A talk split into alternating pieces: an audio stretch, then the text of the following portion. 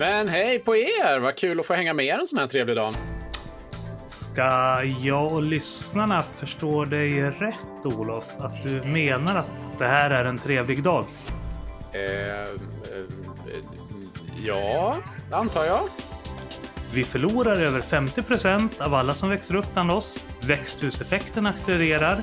Det gängrelaterade våldet har aldrig varit så högt som nu och löneskillnaden mellan män och kvinnor är fortfarande på över 15 procent. Men Olof Brandt på Bibeln idag tycker att det är trevligt. Uh, uh, alltså nu, nu... Nu var det väl kanske inte det jag menade främst. Um... Okej, jag vill bara ta tillfället i akt här att belysa det faktum att Olof Brandt, generalsekreterare på Bibeln idag, inte vet vad han Nej, alltså vakna på fel sida idag PO eller? Eh, jag noterar för övrigt att Tilla Eriksson här väljer att använda sig av fula härskartekniker istället för att bemöta mina påståenden i sak och försöker därmed undergräva mitt rättmätiga heliga vrede mot nämnda oförrätter. Men P.O. Flodström, din mupp! Jag anser inte att växthuseffekten, gängskjutningar och ojämställdhet är frågor att bara flamsa bort. Jag skulle istället vilja fråga Silla Sofia Eriksson om hon kan se den ensamstående covid-19 undersköterskan som tjänar 15% mindre än sina manliga kollegor i ögonen och liksom Olof hävda att det är en trevlig dag. alltså, ifall det är Therese Nöjd du syftar på så är jag rätt säker på att hon hade tröttnat och brottat ner dig vid det här laget. Alltså tur för dig att solen lyser och alla människorna förutom du är glada och trevliga. Eh, jag hoppas att det är uppenbart för alla våra lyssnare att Celia Eriksson just nu, förutom att antyda ett hot om våld, dessutom använder en massa retoriska knep för att undslippa ansvar från att svara på frågan vad som egentligen är trevligt med gängvåld, ojämställdhet och klimathotet. Alltså Pio, nu får du väl ge dig! Alltså sluta skapa dålig stämning. Det torde vara tydligt för var och en att det ofta är den privilegierade Östermalmsklassen som anklagar oss marginaliserade för att skapa dålig stämning, då vi påtalar deras privilegierade positioner. Moderatrelaterat våld, det är vad det är. P.O. din MUP! Varmt välkomna till Kristna Datingpodden! En livsstilspodd om kärlek, relationer, teologi, sex och helikoptrar! Med mig, P.O. Flodström. Apologet, entreprenör och opinionsbildare. Och Silla Eriksson. Evangelist, entreprenör och opinionsbildare. Podden presenteras i samarbete med kristendate.se och studieförbundet Bilda. Kan du ge dig nu, P.O.? Jag orkar inte hålla på med någon som försöker leka Facebook-debattör. Jag, jag, jag kopplar ner.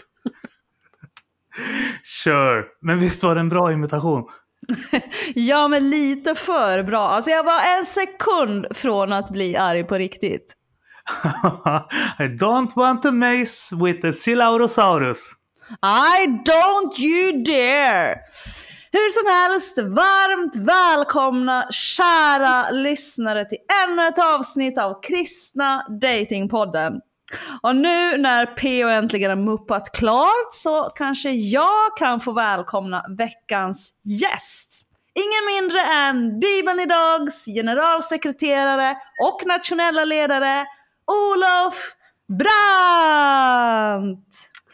Ja, men tack så mycket. Jag vet inte om jag riktigt kan uppbringa samma eh, engagemangsnivå, men eh, mycket roligt att vara här i alla fall. Tack så mycket.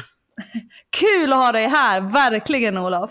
Hur um, har er vecka varit hittills, grabbar? Jo, men den har varit bra. Kristina har varit här i Borlänge, så det har varit härligt. Och jag har köpt en ny bil! Wow, jag såg det P.O. Kul! Vad är det för bil? Berätta mer den Citroën X Sara Picasso. Och jag har ju alltid varit så här, totalt ointresserad av bilar. Eh, så jag har ju tänkt att en så här Skoda Fabia, ja men det är så här, ja men man tar sig från punkt A till punkt B, den är bränslesnål och sådär. Fast nu när jag köpte den här så har jag verkligen så här börjat förstått hur en bil kan vara så mycket olika saker.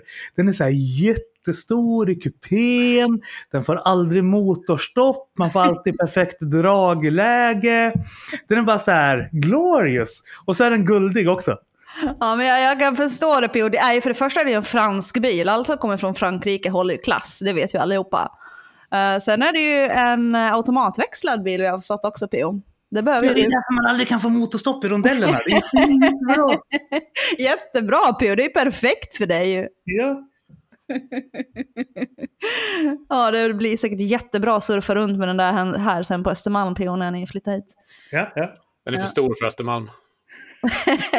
Nej, då vet du vad? Här Olof, här, på, här kör det bara runt en massa stora gigantiska suvar här på Östermalm. Jo, det är i och för sig sant. Det är Mm. bara fick parkering som en mardröm. Ja, ja. Ja, men själv så, så jag har haft en lite märklig vecka. Jag fick lite ont i halsen i helgen och vad ska man göra då enligt alla rekommendationer? Jo, man ska åka in till någon sjuksköterska som pillar en i halsen och näsan och så ska man stanna hemma och vänta på det där testet som ska avgöra om man är giftig eller inte. Och eh, jag kan bekräfta för alla lyssnare som är oroliga att bli smittade, jag har inte corona denna gång heller. Så det är bara att vänta på vaccinationen istället. Eh, annars så, ja, vi håller på att ladda för sommaren här mest. I, eh, det är liksom avslut av säsongen. Märklig säsong med corona. Som bibelorganisationer så är man ju gärna ute och träffar folk och det har det inte varit mycket av, även om det har varit en del så här digitala möten av olika slag. Eh, men eh, ja, ganska bra vecka överlag. Jag är ju negativ, ungefär som PO. Fast du, om vi ska säga någonting positivt. Jag såg att du och Rakel hade varit på Livets Ords Uppsala och verkat vara med i någon talkshow. Ja. Att eh, bilderna bedöma.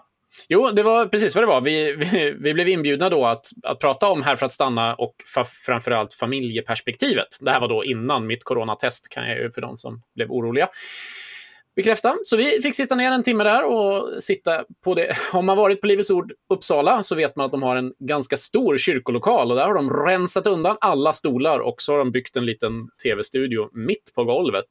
Eh, Så det var en rolig upplevelse att få vara med där och få dela det också eh, med min fru. För att ganska ofta så gör jag ju såna här saker själv, som jag sitter själv här nu. Men eh, de tyckte att när ni ska prata om familjen som ett, en viktig del i att vara här för att stanna så fick frun åka med. Det var väldigt trevligt.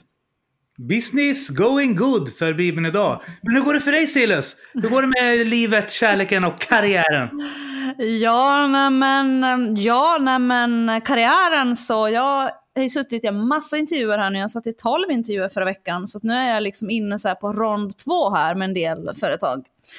Så jag satt i en fyra timmar lång intervju henne på eftermiddagen och det, det borde ju inte vara lagligt att köra fyra timmars intervjuer. Alltså jag blev så fruktansvärt mosig i min hjärna. Du vet ju det P.O. när vi har suttit här i två timmar så är jag ganska lagom mosig. Så föreställ dig fyra timmar, det är liksom över min förmåga. Så. Men eh, det var ett ganska spännande företag, det som var rekryteringskonsult. Och det här är ju för mig en helt ny bransch. Jag har ju aldrig jobbat med rekrytering förut. Men eh, spontant känns det ju väldigt, väldigt spännande. Sitta och intervjua människor hela dagarna. Eh, så det är ett hett alternativ just nu. Sen är jag inne i en annan process också med ett idrottscafé för barn och ungdomar. Eh, de vill ha liksom någon som är duktig på liksom att ja, få till samarbeten och skaffa sponsorer och liksom så här starta upp. Så. så det är som projektledare för det. Och sen har jag en tjänst som account manager för ett rekryteringsbolag. Så det är väl de tre som jag är mest inriktad på just nu. Så vi får väl se vad det landar i, men det känns spännande. Men idrott och startup, det låter ju som skräddarsytt för dig Silla. Ja, men verkligen. Absolut. Det, det kan bli det. Sen fyra timmar Silla, alltså du skulle prova att söka en pastortjänst. Det kan vara att du kommer dit på fredag eftermiddag, kommer inte därifrån förrän söndag kväll och då har du liksom bara klarat första intervjun av fem. Jo, att- fast jag, jag vet ju PO där i kyrkan. I kyrkorna fikar man ju typ så här vart tjugonde minut. Jag satt fyra timmar i sträck idag. När jag var på anställningsintervju hos Olof Brandt för ett drygt år sedan, då tror jag vi satt och fikade i fyra timmar. Men det var ju trevligt. Okej, ni satt och fikade i fyra timmar. Okej. Ja. Ja, alltså, jag menar, hur ska man någonsin få ur någon någonting vettigt annars? Liksom? ja. Muta dem först, då får man reda på vilken de har för karaktär. ja, jag förstår. Men du PO, alltså du och jag har ju fått vår första gemensamma artikel publicerad i veckan också. Alltså det är ju helt glorious! Och ett sjukt viktigt ämne dessutom får man ju säga. Alltså att vi måste ju kunna ha olika perspektiv på saker utan att liksom gå till övertoner. Och som jag flera gånger har påtalat tidigare så är det ju forumet på kristendate.se. Alltså det är ju nästan värre än Flashback ibland. Och då är det ändå ett internt kristet forum. Alltså ibland blir man mörkrädd när man går in där. Alltså jag tycker verkligen att vi, liksom, vi borde kunna bättre än så. Ja men verkligen Silla. Det känns som att den amerikanska politiska diskursen även infiltrerat det teologiska samtalet. Inom svensk politik så är det här ett ganska nytt fenomen. Vi behöver bara gå tillbaka till 90-talet. På den tiden så satt partiledarna ner i studion och de hade en hel stab med sig som satt bakom dem och hjälpte dem med fakta och sakupplysningar. Alla pratade dessutom långsammare. De hade så mellan 90 och 120 sekunder för varje dialog. Nu för tiden så står partiledarna och ägnar sig åt något som bäst kan beskrivas som någon form av så politisk boxningsmatch. Där det handlar om att få in så många retoriska poänger som möjligt snarare än att låta olika perspektiv och ideologier möta varandra. Hörde jag dig säga P, att det var bättre förr alltså? Det var verkligen...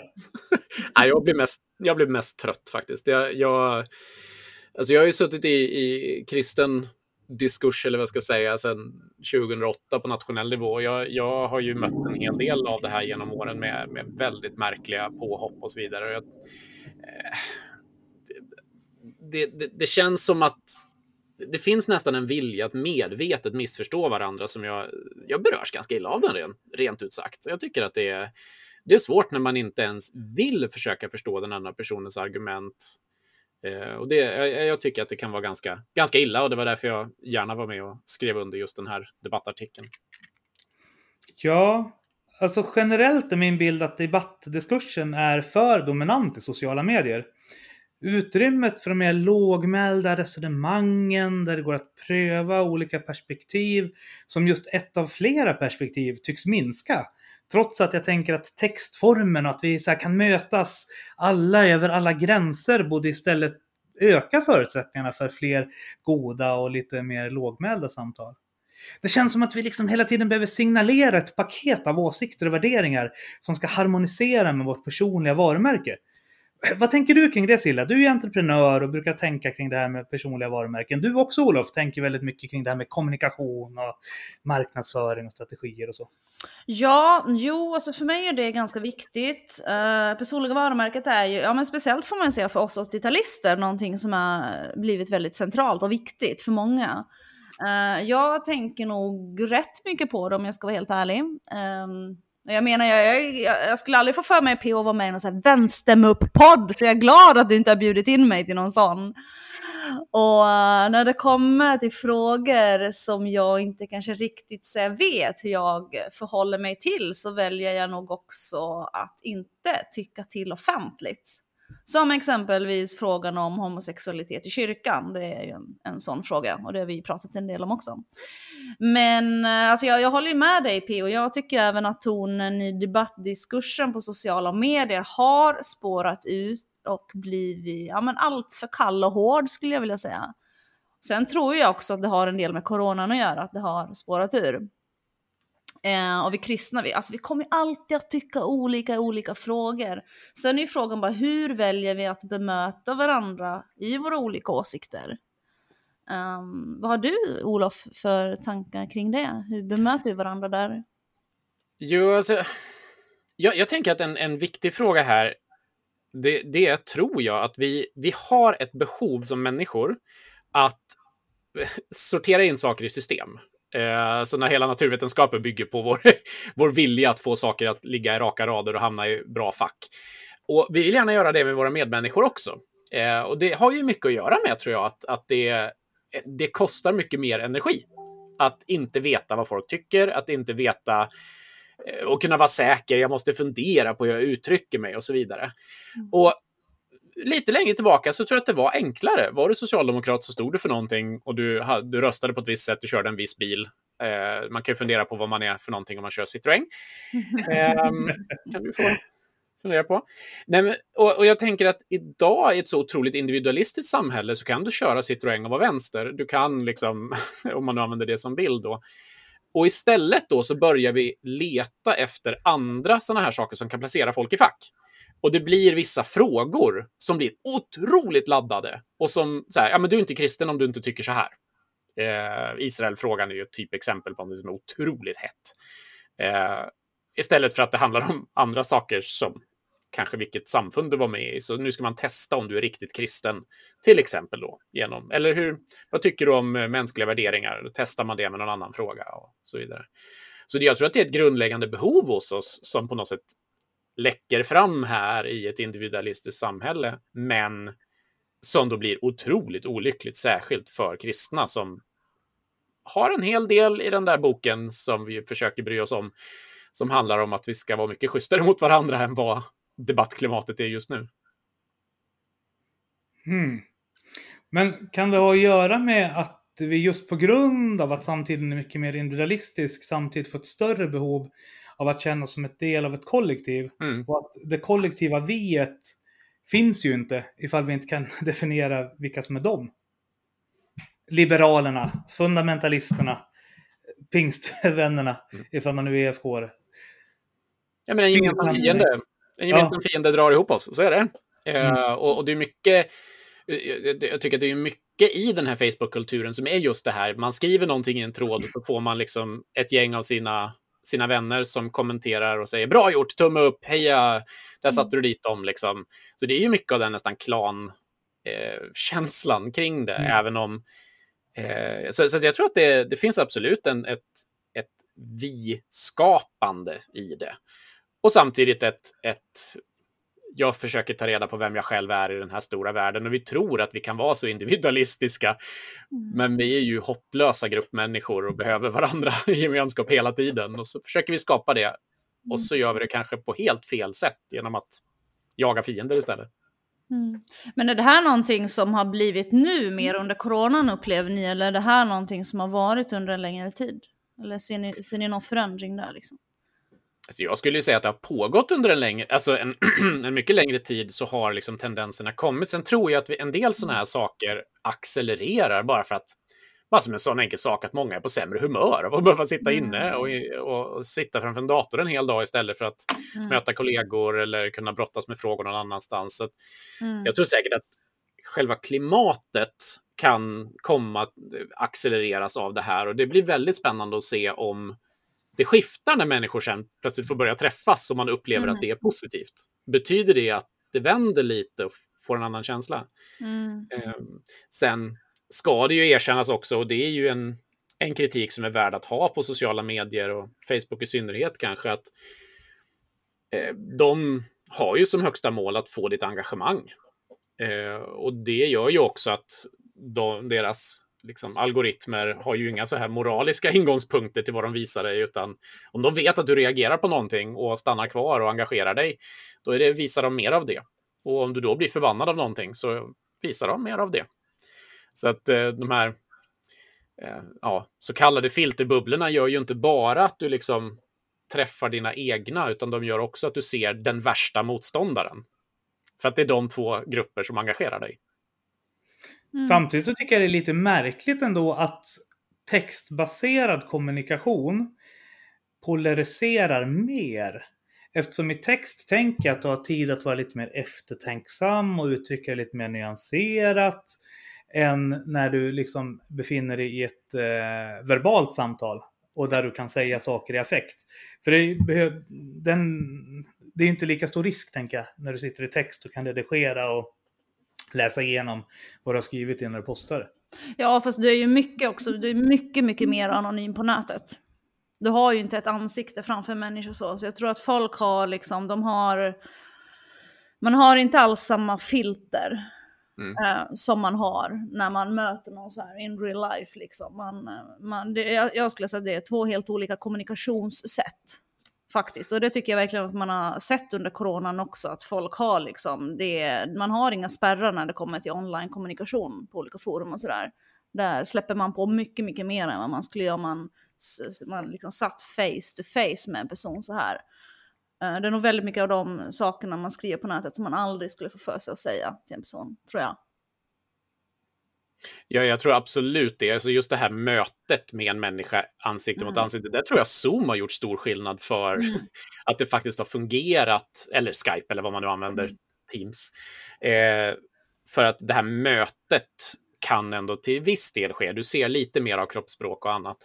Eh, sen tänker jag också att, bara berätta, vi hade några vänner som, som hade i diskussioner så hade de som som eh, regel att de hade en 10 sekunders regel, att du har möjligheten att när du har sagt någonting efter en stund ta tillbaka det och inte ta, inte ta några konsekvenser för vad du har sagt.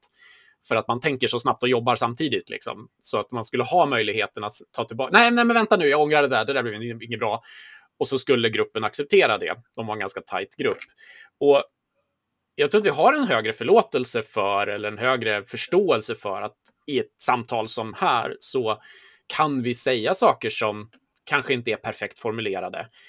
Och där blir det ju lustigt då, för att vi har högre krav på text, för att vi är någonstans skolade i att text är mer genomtänkt, mer välformulerad. Och samtidigt har vi lagt på bara de sista tio åren kanske, så har alla lärt sig att skriva text snabbt. Nu ska vi plötsligt producera text i nästan samma takt som vi talar. Men vi har någonstans, tror jag, fortfarande lite kravet på att text ska vara perfekt. Det är inte alls ovanligt att du ser Facebook-diskussioner som handlar om ett ord som någon skrev i en parentes någonstans längre upp. För att vi har det kravet på en textbaserad kommunikation. Men sociala medier är något slags märkligt mellanting. Mm.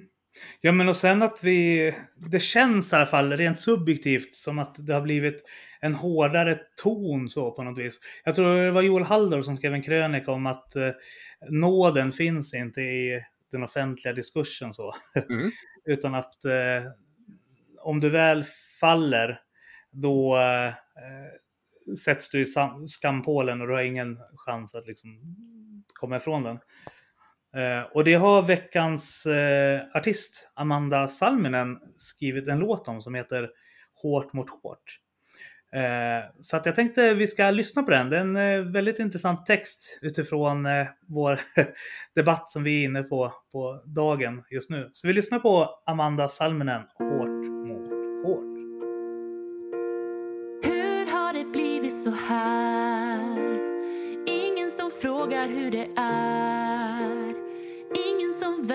bry sig. Ingen som vågar säga hej. Hur har du hamnat här? Vart är det du är på väg? När du vandrar fram på gatan där vi gick utan att möta någons blick.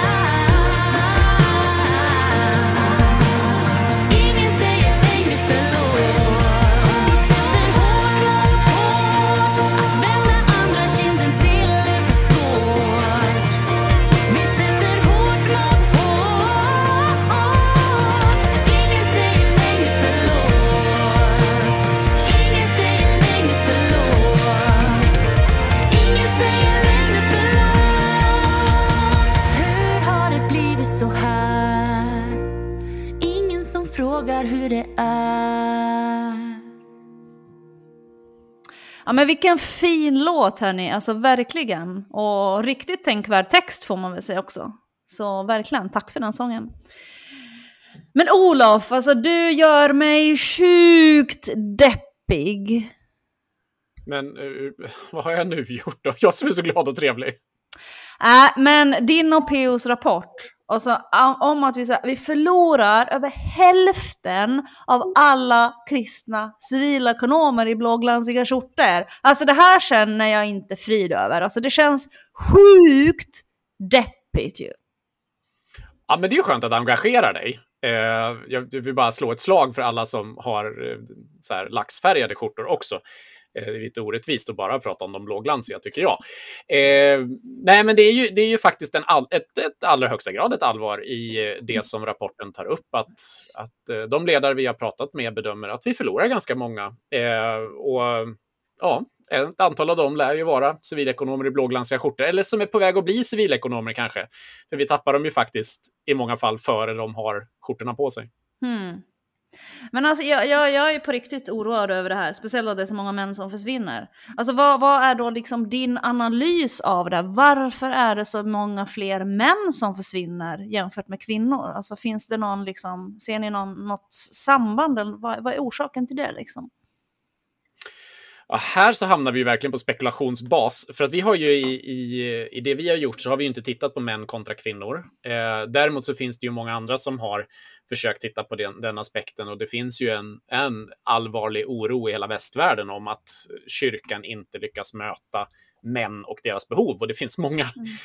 många teorier och svar, men det finns väl inget enkelt svar såklart vad det kan bero på. Men eh, jag tror att en en del är ju till exempel att om vi tittar på vad som kommer fram när vi, när vi intervjuade ledare och så är ju att eh, den kognitiva delen, alltså bearbetningen med hjälp av hjärnan när man får grubbla över frågor och så vidare, är en aning eftersatt i ett antal sammanhang. Eh, det är inte alla som misslyckas med den delen, absolut inte, men man märker att man kanske betonar till exempel social gemenskap mycket högre i hur man väljer att jobba med, med en grupp och sådär. Jag tror att det kan finnas eh, en hel del av dina civilekonomer som kanske hade stannat om de hade fått prata mer om, om eh, de saker som man upplever som viktiga i livet och de man kanske upplever som svåra i tron med sin tradition eller med Bibeln eller sådär. Så att eh, en del som jag tror kan ligga bakom eh, är det. Eh, sen kan man ju alltid ha en massa så här fria spekulationer kring vad, mm. vad det är för kultur som vi odlar i kyrkan, om den är mer mottagande mot män eller mot kvinnor jämfört med män till exempel. Eh, men där har jag egentligen ingenting mer på fötterna än eh, väldigt anekdotiskt vad jag ser i, i ungdomsgrupper och sådär, där eh, tjejerna tenderar att stanna längre. Mm. Ja, för många, många menar ju liksom på det att kyrkan i Sverige, liksom, och kanske även internationellt också, jag har hört en del eh, från USA också kring det här, att många anser att kyrkan har blivit väldigt feminiserad. Hur ställer du dig till eh, sådana påståenden? Det svåra är ju att veta vad man menar med feminiserad. Ja, eh, alltså hela diskussionen om vad som är feminint kontra maskulint är ju liksom i svung i vårt samhälle. Det är lite så svårt att ens prata om vad det skulle betyda. Mm. Eh, men det finns ju onekligen en känslomässig aspekt i tron. Eh, det finns en så här, vi, som jag sa, ja, det jag lyfte tidigare var det kognitiva spåret, där jag får brottas med svåra frågor, men kyrkan vill ju också gärna att vi ska prata om oss själva, prata om vad vi genomlever, vad vi upplever. Eh, och i alla fall så som kulturen har format män hittills så är det inte alltid män är jätteduktiga på det. Det är ju den eviga så här, skämtet att män inte kan prata om känslor. Och om man har en kyrka som eh, förväntar sig att du ska prata om känslor till exempel, så är det klart att det kan vara en utmaning. Därmed absolut inte sagt att kyrkan inte ska prata om känslor. Jag vill bara inte att någon missförstår mig åt det hållet, för jag tror att vi behöver utmana det. Men jag tror att man kanske behöver mer se över hur man möter pojkar och män Eh, för att, alltså, det som jag tror att vi inte gör, det är att vi lyssnar inte. Alltså de som lämnar, var, varför går du? Vad är det du saknar? Och vi gör det, gör vi det så gör vi det för sent. Jag menar, det, vi behöver ta de frågorna redan när, när grabbarna börjar säga jag vill inte gå till söndagsskolan längre. Eller tjejerna såklart, men nu pratade vi om just killarna. Mm. Mm. Men du Olof, en sak som jag har funderat lite grann på. Eh, en del av våra lyssnare har kommit förbi det här datingstadiet och har redan gift sig och börjat bilda familj Mm. och så. Eh, och en av de byggstenar som vi identifierade i det här arbetet var just att familjen har en väldigt viktig roll Ja. för att nästa generations civilekonomer i blågransiga skjortor ska bli här för att stanna. Mm. Eh, Så jag tänkte att vi kunde väl passa på att diskutera lite grann kring hur den kristna familjen inom situationstecken, vilka verktyg eh, vi kan ta med oss för att ge våra barn de bästa förutsättningarna för att få en tro som bär genom livet. Du kan väl börja med att förklara kanske vad jag menar med grundstenar och byggstenar Ja. så att alla lyssnare hänger med. Ehm, Det blir många frågor på en gång. Jag ska se om jag eh, lyckas fånga dem. Men eh, annars får du bara ställa följdfrågor såklart.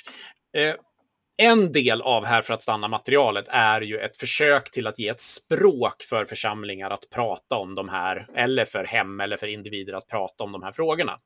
Och där har vi liksom systematiserat upp en del av vad är de viktigaste byggstenarna, vi pratar om ett hus helt enkelt, som behövs för att bygga en vuxen tro, en egen tro.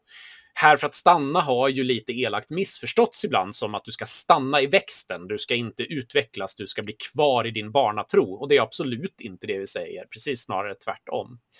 Eh, och där behövs de här olika byggstenarna då. Och Eh, för att ge några, så det är två grundstenar som är viktiga för hela bygget och det är då relationer över generationsgränser och det är hemmet eller familjen som är de två som genomsyrar hela bygget.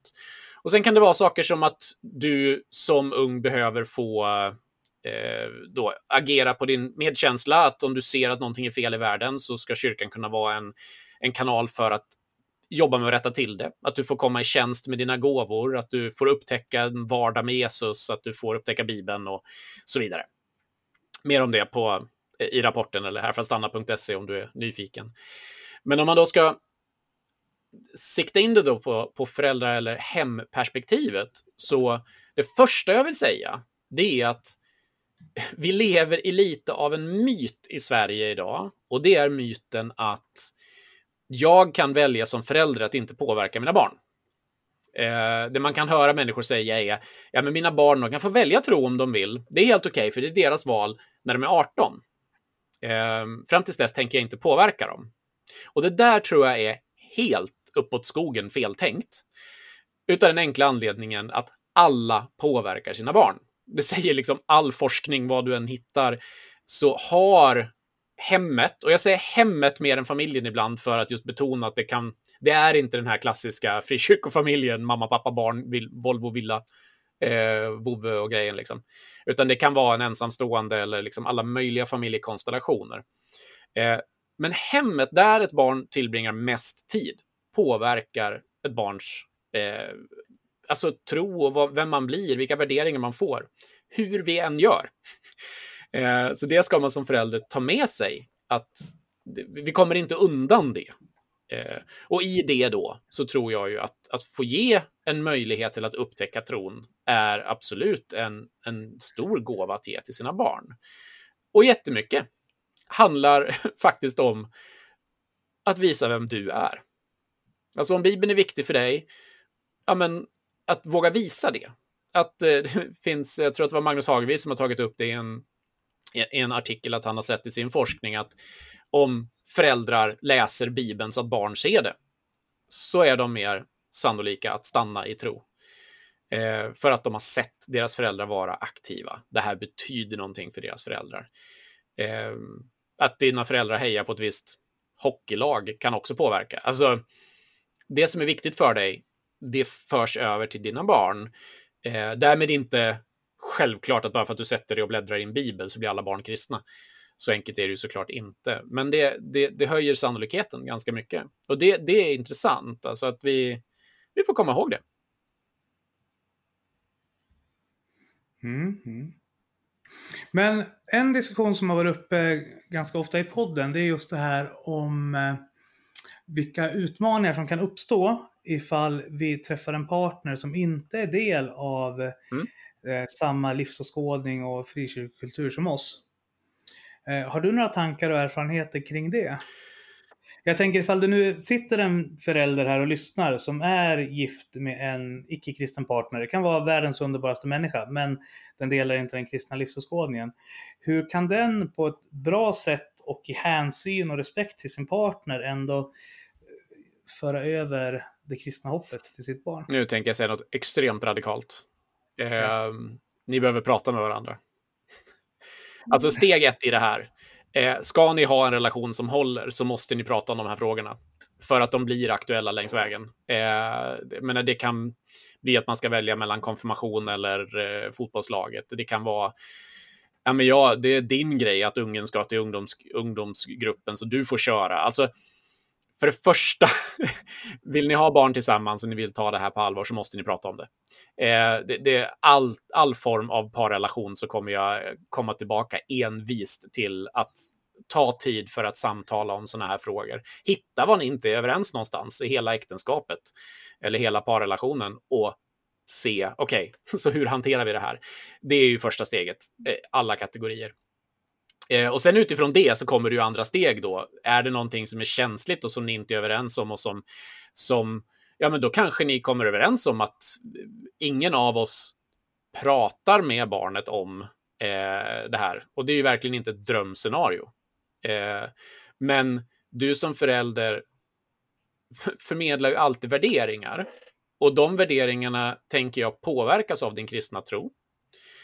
Och om du med din 25-åring sen när ni går på en fika och pratar om så kommer kanske din 25-åring att börja fråga saker som men mamma, du, du gjorde ju alltid så här mot människor, vad berodde det på?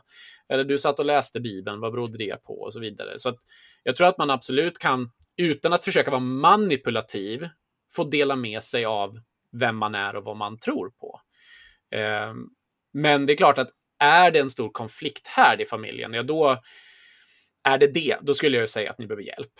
Rent krasst. Alltså ta hjälp. Det är också en sån sak som jag återkommer till när jag pratar med par, att är det frågor som ni inte lyckas lösa, så ta hjälp av en, en liksom parterapeut eller ett par goda vänner eller någon äldre i, i ert sammanhang som har varit gifta längre eller liknande. Och, och, och försök bena ut de här frågorna för att ingen relation mår bra av att ha sånt här som konflikthärdar som liksom ligger och maler. Särskilt inte när det gäller barnen som bor hos er förhoppningsvis i 15, 20, ja, idag flyttar de inte hemifrån förrän de är 30 antar jag. Bor på var, vart de bor någonstans. Ja, sant, sant. Men alltså Olof, jag är ju intresserad av att höra din synpunkt när det kommer till val av partner. Det har vi pratat mm. ganska mycket om i den här podden, men det är kul att höra dina, dina tankar kring det här också. Med tanke mm. på att det är så många män som lämnar kyrkan så har vi, får vi ändå säga, ett matematiskt problem här. Eh, mm. Alla kristna män räcker ju inte till oss kvinnor. Vi är ju ett antal kvinnor som kommer lämna över, som jag exempelvis här då.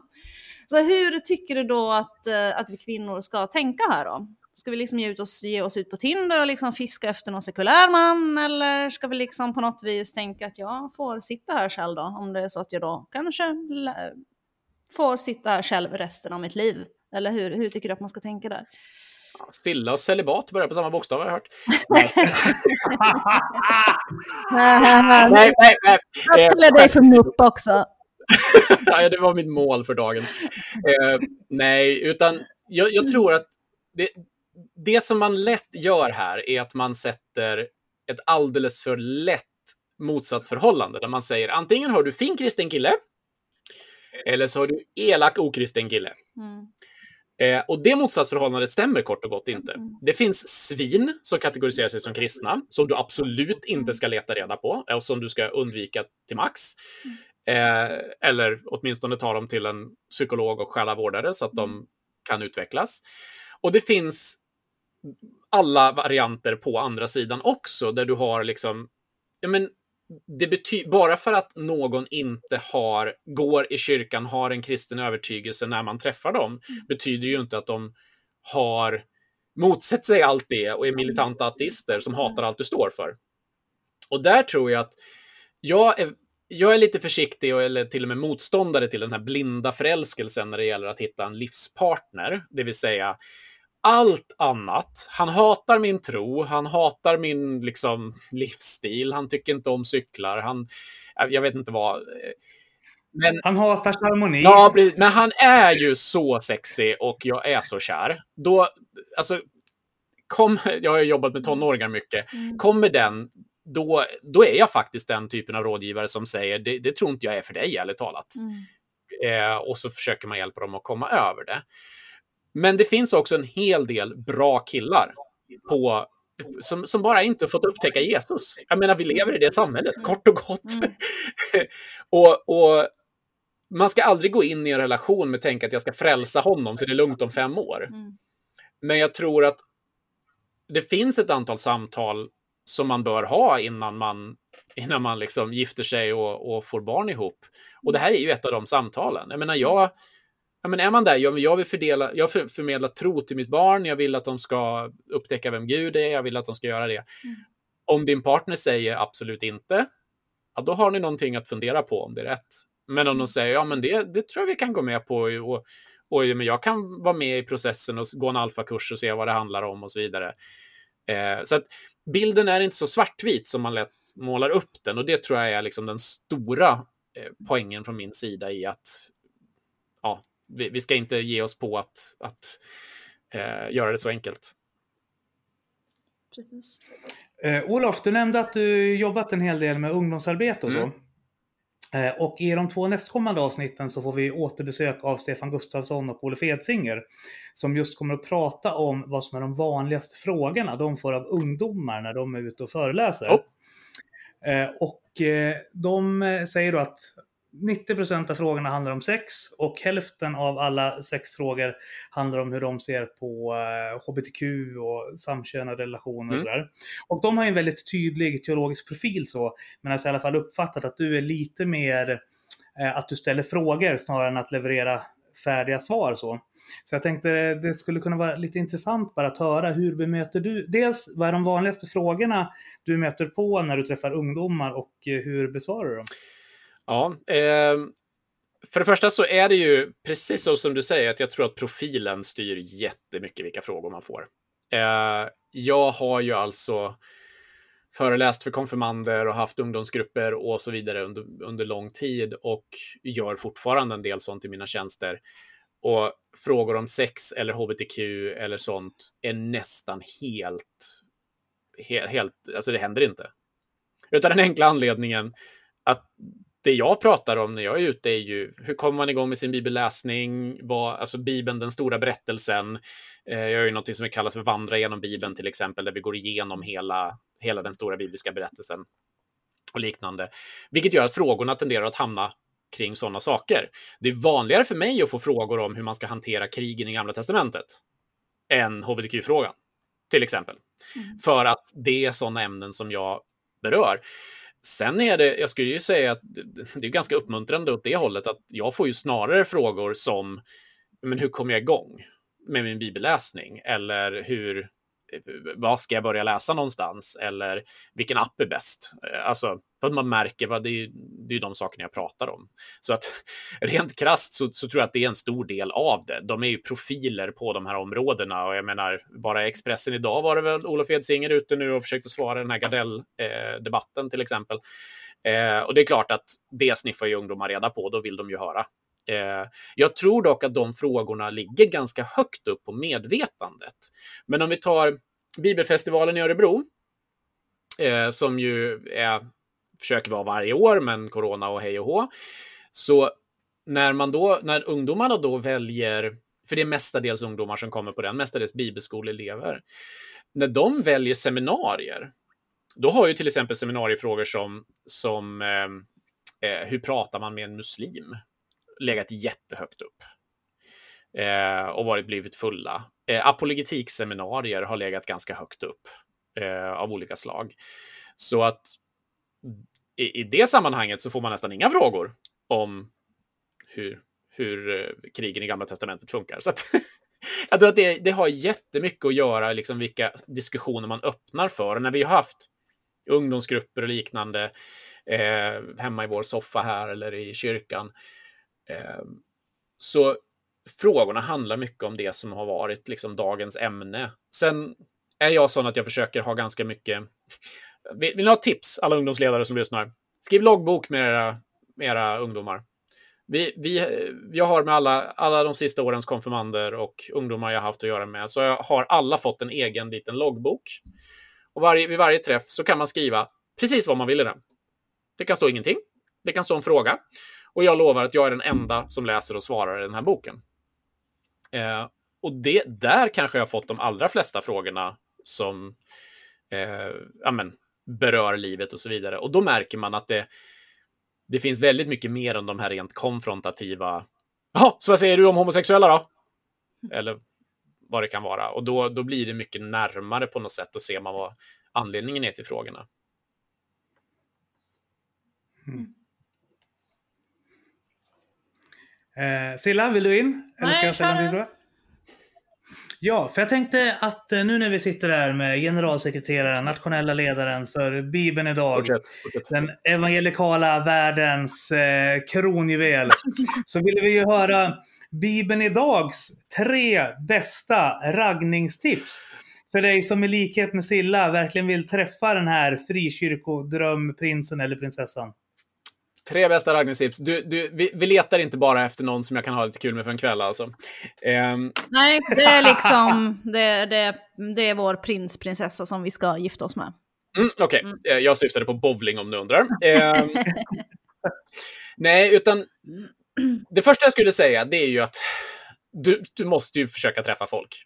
Eh, det är svårt att hitta någon hemifrån soffan. Eh, och jag som är asocial till max egentligen hatar ju det tipset.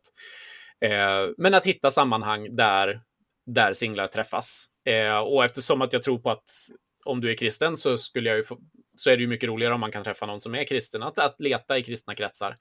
Eh, att, att försöka vara med på så här, unga vuxna träffar om man är i den åldern, eller ungdomsgrupper om man är i den åldern eller så vidare. Och jag tror också att man kan vara ärlig med den längtan med människor.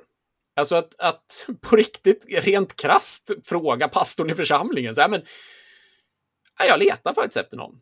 Eh, jag, jag känner att jag, jag vill ha en relation. Det är inte alla som längtar efter det bara för att man är singel. Liksom. Och, och att, att eh, inte för att pastorn ska sätta ihop mig med någon, men för att man kan liksom fundera tillsammans på vilka sammanhang finns det där vi kan träffas.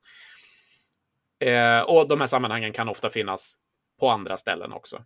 Jag menar, jag har ju stått som ledare på läger och roat mig åt, jag hade några eh, kollegor en gång så sa, jag, nu ska ni få kolla, här. nu kommer alla ledare till det här lägret. Det var ett ungdomsläger, men ledarna var ju då alltså 2025. Så, kolla här, de här tre, de vet jag är singlar. Kolla hur de hälsar nu. De kommer hälsa och så kommer de kolla efter ringen.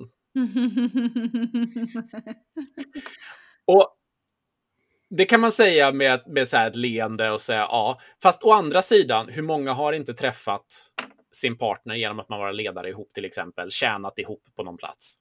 Eh, så att hitta någon plats där folk är, är ju steg ett. Eh, det andra jag skulle säga, det är att, att vara, när man väl då träffar människor, eh, att vara ärlig, att inte spela för mycket spel. Men det blir så lätt att vi har de här romantiska komedierna i, i, eh, i åtanke och så ska vi liksom Ja, men det ska ju vara att vi snubblar in på varandra på ett café i Paris, annars så är det ju inte på riktigt. Liksom. Och, och helst ska jag lämna någon dragata för att hitta den rätta och hela den här liksom, bilden av vad det innebär. Eh, men att, att, att helt enkelt när, när man träffas och, och, och, man, man börjar prata om det och man inser att men du är faktiskt lite intressant, eh, att, att kunna erkänna det. Eh, att kunna prata med varandra om det. Eh, att krasst sett inte slösa tid på, mm. på att... För att eller liksom inte slösa tid på är fel att säga, för personliga relationer är alltid bra, men mm. eh, det, det, tror jag är en del. Eh, så att vara ärlig med, med dem man träffar. Eh, kanske inte ha den yttersta ärligheten att gå omkring med en singeltröja kanske inte det jag rekommenderar mest, för det skrämmer väl en del. Jag och Silla funderat på att trycka upp Ja, sådana. det borde vi. Snygg, sexig, kristen och singel. En sån tröja Ja. ska vi trycka upp tycker jag. Eh, Carola hade väl en med blinkande singelbokstäver, va? Alltså. Eh, vill jag minnas. En sån, en sån seriöst, så kan man ha på den på gudstjänsterna så blir det extremt Mm. tydligt liksom. Precis. Eh, gärna få komma upp i talarstolen också. Så här, information bara för er som undrar. Jag är singel. Nej, men det finns, ju ett, det finns ju ett mått av klängighet som man vill undvika såklart. Men, men just den här ärligheten i att när man tar de där första samtalen, första fikan, eller så här, vad är du ute efter? Är, du, är, är vi här för att, för att vi, vi vill prova någonting? För att vi vill dejta, för att vi kanske vill någonting? Eller är vi här för att oh, mysigt att fika? Eh, det dödar lite av det där, den här långa hur, hur kan det här bli och tycker hon om mig och, och så vidare som är jätteroligt när man är 14. Men om man verkligen vill hitta någon mm. så kan det faktiskt vara värt att, att, att prata om det ganska tidigt. Eh, det sista jag skulle säga, och det är egentligen inte ett raggningsknep, eh, men som jag ändå vill slå ett slag för om man vill hitta den rätta. Eh, och det är att, nu märker ni att jag är väldigt samtalsfokuserad, det är att våga eh, prata om svåra saker. Eh, att eh, en, en bit in i förhållandet, ja men okej, vi testar, vi ska se, är det vi liksom? Mm. att inte bara prata om liksom, ballonger och enhörningar och regnbågar och vad det är. Eh, någon präst sa till mig någon gång att du ska aldrig gifta dig med någon som inte du har tagit hand om när de har magsjuka. Mm. eh, och, och, nu kanske man inte måste framtvinga det, men det ligger något i det där att, att få prata om de här svåra sakerna också. Eh, prata om drömmar, prata om vad man vill med livet såklart, men, mm. men också vad, vad, tycker jag är svårt? Har jag en depression med mig? Nämn det innan bröllopsnatten. Eh, alltså, sådana saker.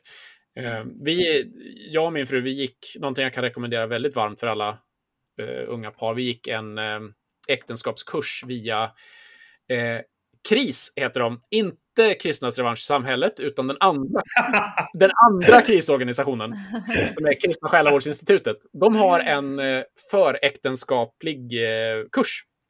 Alltså som är tänkt att man går innan man gifter sig. För att liksom få running start på själva bröllopet. Men det är, det, har... det är väldigt många som har Lugnetkyrkan. Vi har också sådana. Jag tror att de flesta kyrkor idag har äktenskapskurser för par som de kan gå innan man gifter sig. Den här... Jaktlund har den. Vad sa du? Jaktlund har startat den. Ja, alltså Alfa har ju en äktenskaps... Eh, precis. Eh, den här, det, det, som är fördelen med den här, eller fördelen med den här, jag är inte här för att sälja den, men det som var grejen med den, det är att den har... Det är så mycket man tar upp. Den är ganska intensiv och, och man, till exempel får man den som kallas för den lilla röda, nu passar vi dig PO, eh, som är en, bo, en ett, ett häfte eller en bok på typ 120 sidor med bara frågor som man fyller i själv och sen pratar man med sin partner om dem. Och då är det allt ifrån liksom, vad har du för bild av sex och sexställningar och hur många barn vill du ha och hur ser du på ekonomi, hur man ska fördela saker. Alltså, mm man kanske inte behöver gå hela den vägen om man nu känner att en lång kurs inte var det jag såg fram emot. Men just att prata om svåra saker. Eh, det, det, tror jag verkligen är. Om man ser raggningsdelen som att jag vill hitta någon, eh, så tror jag på det. Det är kanske inte det du gör på första dejten såklart. Här har vi lilla röda, nu ska vi prata om eh, hur vi ser på inte vet jag, analsex tycker ni om att prata om. vi har ju ett sånt avsnitt PH här med Edsinger som vi inte har släppt än va? Jo, det, det är släppt. Ah. Ja. Jag vill minnas att jag släppt. Jag tror det är de här 187 Glorious Sex Positions som man kommer gå ah, igenom i nästa just det, den vi inte har släppt. Jag blandar ihop dem lite. Mm. Aha, aha. Nej, men alltså, jag, jag, det finns ju en del sådana ämnen som vi tycker är pinsamma. Eh, och ni gör ju ett slag för att försöka ta bort pinsamhetsstämpeln. Men framför allt med den, om man tänker sig att men jag vill ha en långvarig relation med den här människan, så prata med varandra. Det, ja, det, det kan inte sammanfatta podden där, klippa sen. Liksom. Prata med varandra. Mm. Ja, men. Men du, men du Olof, avslutningsvis, kan vi inte få en liten mysig solskenshistoria? För jag menar, du lever ju lite grann av så här drömlivet för många frikyrkomänniskor. Du lever med en partner som delar din kallelse och sändning. Ni har eh, familj och liksom ett rikt och meningsfullt församlingsliv. Så. Hur hamnade du där du är Olof? Om vi börjar med när du i Leksand 2005 stod på scenen inför alla dessa miljömuppar och var besviken. Hur tog du dig från den positionen till där du är idag? Åh oh, kära det var en obskyr referens. Uh, ja, um, så jag blev ju, det, det, min berättelse brukar jag säga börjar egentligen på tredje året i gymnasiet då, då jag kom med i en kristen skolgrupp. Uh, och på riktigt för första gången egentligen tog min tro på allvar. Jag brukar säga att jag är eh, överlåten kristen sedan trean på gymnasiet. Ehm, det, det är liksom min stora start. Och någonstans längs vägen där så, så, så tänkte jag att ja, men det är klart att jag vill ha en, en, en kristen fru. Ehm, och, och, letade väl som alla andra på läger och annat.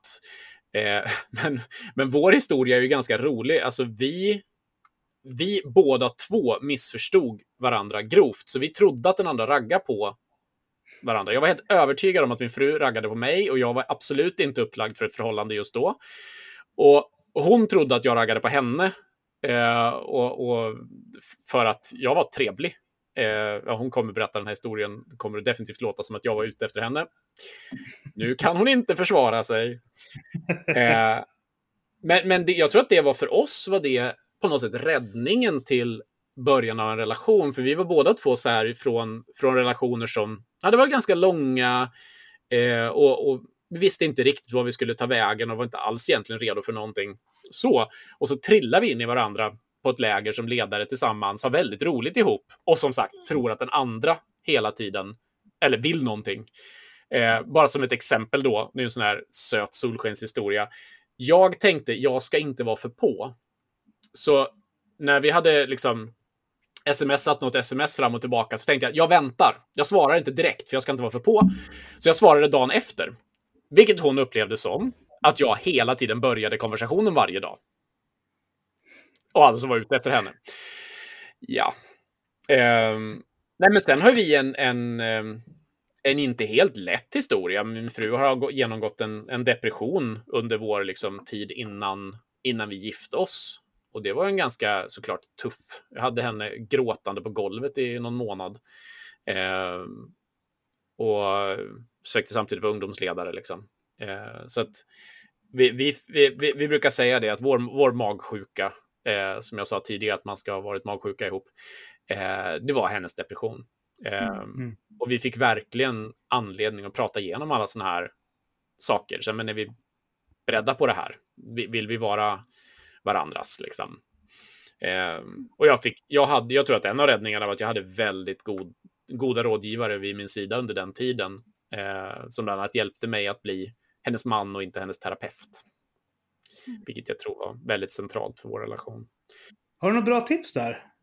Alltså just att inte falla för den, för, eller liksom falla i den gruppen. Så. Ha någon att prata med. Ifall du träffar någon som har lite att jobba med. Ha någon att prata med. Ta det inte själv. Eh, prata med någon, hör du? Att jag ger det tipset, föga förvånande. Nej, men jag tror att det är, det är otroligt centralt i det. Alltså blir det jobbigt, eh, att man som par kan ge varandra det utrymmet att den andra får prata med någon som man är överens om att vi kan lita på. Eh, det tror jag är, är superviktigt att, att kunna lita på varandra och säga, men det är inte så att jag går till den här personen för att, att hänga ut dig. Men jag behöver prata med någon om hur jag ska hantera det här som din då fästman, blivande man. Liksom. Så det var, vi, vi, vi accelererade ju på något sätt seriositetsgraden i vår relation otroligt fort. Vi tvingades ur förälskningsfasen i raketfart på grund av eh, det här då. Eh, så det var en, en, eh, en väldigt viktig del då med den här äktenskapskursen som fick oss att också hjälpa till att prata med varandra om sådana saker. Så det var hur, hur vi, lite grann om hur vi träffade varandra genom ett rent missförstånd och, eller vi träffades inte genom ett missförstånd, men vi höll kontakten genom ett. Så. Mm. Ja, men jag tycker det låter ju väldigt sunt. Jag tänker ibland liksom att det blir en sån här solskenshistoria man träffas och sen är det liksom bara så här gå som en räkmacka längs med hela vägen mm. om man inte har mött något motstånd innan man gifter sig. Att det blir liksom mera sårbart om man senare i livet då kanske kommer in i någon slags kris eller någonting. Så jag mm. tänker, det låter ju alltså, i mina öron super, super sunt och bra att ni liksom redan innan ni gifte er fick liksom ha någon slags kris, att ni verkligen ser att det håller faktiskt, att det liksom bär ändå igenom det. Då känner man ju sig mycket mer liksom trygg liksom, och grundad i relationen efteråt kan jag tänka mig. Mm.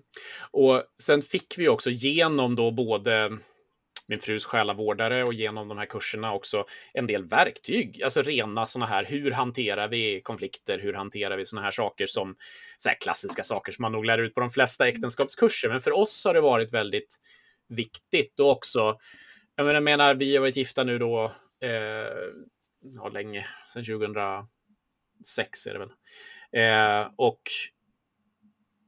det är klart att det har varit konflikter längs vägen och, och ganska stundtals ganska tuffa konflikter. Eh, och att då ha de här, dels verktygen som ibland har gjort att vi har kunnat lösa det själva, men också så sa vi tidigt att eh, en, en sak vi bestämde längs, eh, jag tror att det var innan vi gifte oss till och med, det är att om den ena i paret känner att vi behöver prata med någon, då har den personen alltid rätt. Mm. Den andra kan inte säga nej till det, bestämde vi.